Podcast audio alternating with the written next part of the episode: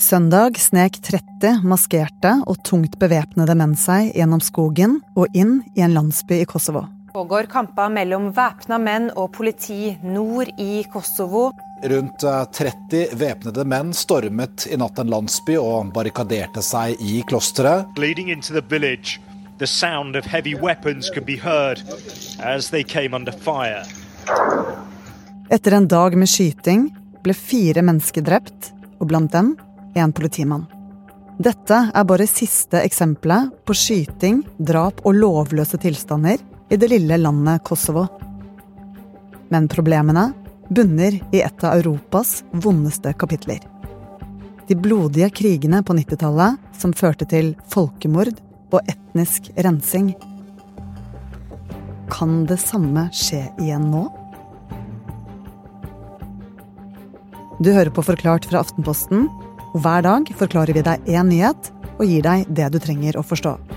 I dag om den dype konflikten i Kosovo, og hvorfor den er så betent akkurat nå.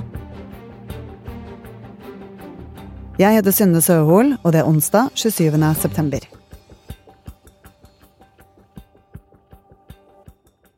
Det var altså 30 tungt bevæpnede menn i eh, pansrede biler som stormet et eh, kloster, og da dette var over, så var eh, fire menn drept, tre av dem angripere, og en av dem var en politimann fra Kosovo. Gunnar Kagge, du er journalist her i Aftenposten. Hvor anspent er egentlig situasjonen i Kosovo nå? Det er veldig spennende. Det er ingen storstilt krig, men det er masse småhendelser. Det er ikke lenge siden 30 NATO-soldater ble skadet i voldelige opptøyer. Vi ser det stadig sånne små drypp av uh, voldshendelser. For å forstå hvorfor det blusser opp nå, må vi se litt nærmere på republikken Kosovo. Hvis du ser for deg Italiaskoen på kartet, så ligger Kosovo nordøst for Helen på den andre siden av Adriaterhavet. Og rundt Kosovo ligger Nord-Makedonia, Albania, Montenegro og Serbia. Til tross for landets lille størrelse, så er dette et veldig konfliktfylt område. Det bor 1,8 millioner mennesker der. Over 90% er det vi kaller kosovo-albanere, muslimer. Men så er det da særlig nord, men uh, også andre steder i landet, minoriteter. Det er altså to folkegrupper bak konflikten i Kosovo. Kosovo-albanere og serbere. Serberne er en minoritet og utgjør omtrent 1,5% av befolkningen i landet.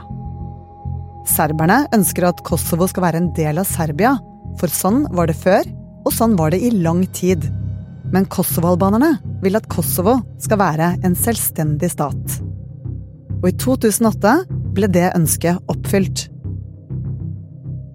Da sa myndighetene i Kosovo at de ville være en selvstendig stat, og søkte støtte rundt i verden for det, og fikk raskt støtte fra USA, et flertall av EU-landene. Det var bare ett problem. Serbia kalte løsrivelsen ulovlig. Og denne uenigheten har røtter tilbake til en av Europas blodigste kriger.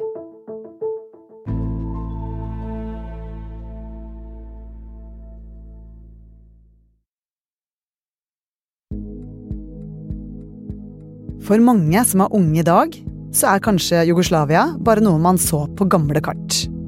Men frem til starten av 90-tallet så var Jugoslavia et stort kommunistisk land øst for Italia, og som besto av mange småstater, som annet feriefavoritten Kroatia, Bosnia, Slovenia og Makedonia. Men da disse landene ble selvstendige, gikk Jugoslavia i oppløsning. Og igjen sto tre land. Serbia, Kosovo og Montenegro, der Serbia satte seg i sjefsstolen. Ja, de så på seg selv som arvtakerne etter eh, Jugoslavia, og det var også de, Det var Serbia som var den store både geografisk og befolkningsmessig, og så var det mindre deler som eh, Montenegro og Kosovo. Men serberne så på seg selv som de naturlige uh, herskerne i den føderasjonen. Og for å forstå det som skjer i dag, så er det viktig å huske på noe som skjedde i 1992. For samtidig som Jugoslavia faller, så bryter det ut krig i Bosnia. For i Bosnia lever ulike folkegrupper med ulike religioner side om side. Og en viktig mann i denne krigen hadde løftet den serbiske nasjonalismen til nye høyder. President Slobodan Milosevic. Han ble valgt i 1989 på et veldig nasjonalistisk eh, serbisk program, og øh, gikk utrolig langt i å holde det sammen, øh, og da først øh, gjennom en krig med Bosnia-Hercegovina, som var veldig blodig og gikk hardt utover det, den gruppen som kalles bosniaker, som er bosniske muslimer. Allerede da var det snakk om at han brøt internasjonale lover om behandling av minoriteter. Hvordan da? Krigen han innledet er den blodigste krigen i, under oppløsningen av Jugoslavia, og også frem til eh, dagens krig i Ukraina, den eh, blodigste krigen eh, vi har hatt i Europa etter annen verdenskrig. More than 8,000 men and boys, Bosniak Muslims, were massacred in a few days. Serbs may have systematically raped as many as 20,000 Muslim women as a weapon of war. I Bosnia-krigen ble titusener av mennesker drept og hundretusener drevet på flukt av etnisk rensing. Mange flyktet også til Norge.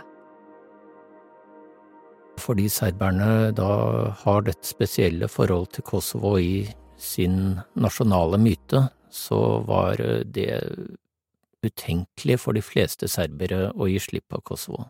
Kosovo er viktig for serberne, og det, det går tilbake til middelalderen det man i Serbia opplever som liksom nasjonens tilblivelse, eh, som var i det området som er eh, Kosovo i dag. Så med mindre territorium etter Bosnia-krigen og sterke historiske bånd til Kosovo, nektet Serbia å gi fra seg mer land. Og bare noen få år etter at krigen i Bosnia er over, så starter en ny i Kosovo i 1998. Og mannen bak? En vi kjenner fra før president Slobodan Milosevic. Da oppsto en uh, frigjøringskamp i Kosovo uh, med en uh, kosovo-albansk gerilja som kjempet mot den serbiske regjerings, regjeringens hær. Og det, det, var blodig, ikke like mange som eh, døde og ble skadet som eh, i Bosnia-krigen, men eh, fortsatt så ille at Nato i 1999 bombet Serbia for å beskytte Kosovo-albanerne. Under krigen i Kosovo ble serbiske politifolk og militære anklaget for etnisk rensing og massakrer. I etterkant fant man en rekke massegraver med albanske sivile. Minst 10 000 albanere var blitt drept av serbere i løpet av Nato-bombingen. I 2002 ble Serbias president Milosevic tiltalt i krigsforbryterdomstolen både for folkemord i Bosnia og for forbrytelser mot menneskeheten i Kosovo. Men han døde i 2006, før han fikk en endelig dom. Etter at Nato grep inn, så ble det slutt på den vanlig krigen, og Nato har hatt 4000 eh, soldater omtrent stående for å hindre at krigen blusser opp igjen. Det betyr ikke at det har vært et eh, godt land å bo i, det har vært eh, lovløst, og kanskje særlig i områdene i nord så har det vært mafia som har styrt, men Kosovo har ikke hatt noe sterk demokratisk regjering før de siste årene. Og nå er vi tilbake i 2008. Året da drømmen endelig ble til virkelighet, og Kosovo blir selvstendig. Med støtte fra de fleste europeiske land så fikk Kosovo en ny grunnlov. Men ikke alle støttet denne frigjøringen. Og i hvert fall ikke Serbia.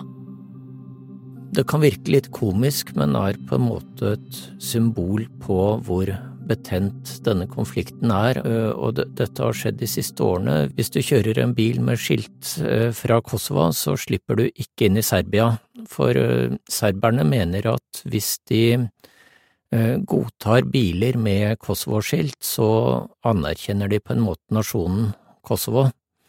Og den, på den andre siden så sier da Kosovos myndigheter at alle serberne som bor i Nord-Kosovo, de må ha skilt fra Kosovo, ellers får de ikke lov å kjøre bil der. Så kosovalbanere og serbere opererer med to bilskilt?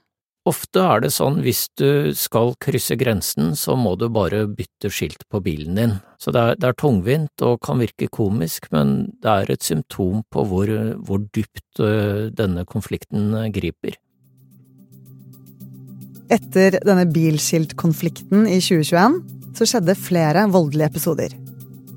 Etnisk-serbiske ordførere i Nord-Kosovo begynte å rapportere til myndighetene i Serbia i stedet for til Kosovo. Og i mai i år, da de samme politikerne var på en offisiell reise til Serbia, så ble Kosovo-albanske ordførere satt inn i disse stillingene. Det resultatet av det er eh, stadig nye voldelige opptøyer og demonstrasjoner som utarter i vold. Eh, og det toppet seg jo da nå i helgen med dette angrepet på klosteret. Selv om USA fordømmer angrepet på politiet utenfor klosteret i Kosovo, uh, så har de fått kritikk for å ikke gripe inn i konflikten. For USA og EU frykter at dette dytter Serbia enda nærmere deres felles fiende, Russland.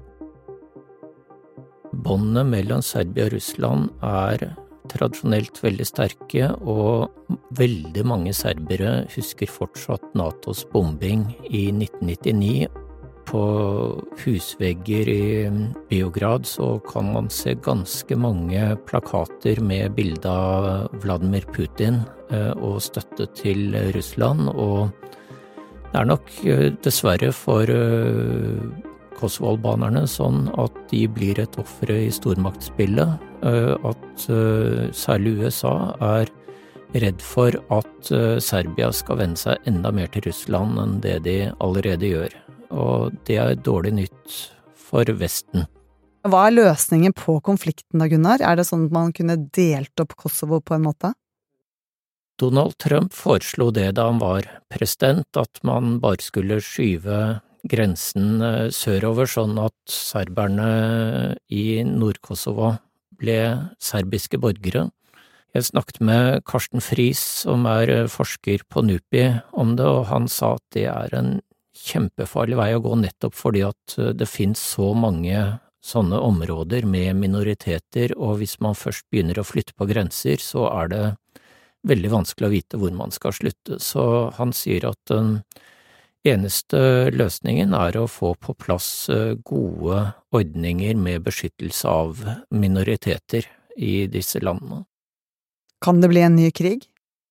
Ifølge Friis, som jeg har snakket med, så er ikke faren veldig stor for en opptrapping, for da er neste skritt på en måte at Serbia sender soldater, og da vil de få så store internasjonale problemer, og det vil ikke lenger være mulig for dem å benekte at de står bak uh, den volden som er.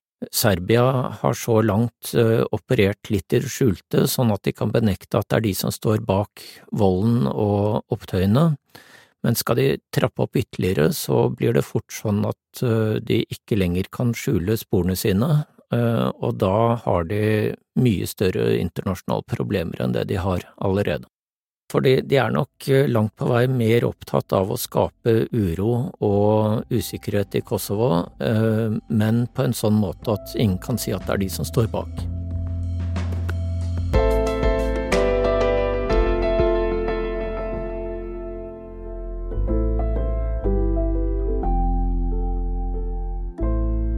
Du har hørt en podkast fra Aftenposten. Det var Gunnar Kagge som forklarte deg den betente og vanskelige konflikten i Kosovo. Denne episoden er laget av produsent Olav Eggesvik og meg, Synne Søhol. Resten av Forklart er Jenny Førland, David Vekone og Anders Weberg. Du har hørt lyd fra nyhetsbyrået AP. BBC, France 24, NRK og TV 2. Hva er det vi syns er morsomst å prate om? Alt vi scroller på. ikke sant? Og det liker vi å prate om sammen, men også med våre fantastiske gjester i Poprådet. Og sammen prøver vi å bli litt klokere. Få litt mer ut av det vi har i feedene våre, og se om det kanskje også forteller noe om den verden vi lever i. Hør på Poprådet Hver tirsdag i Podme eller i Aftenposten-appen.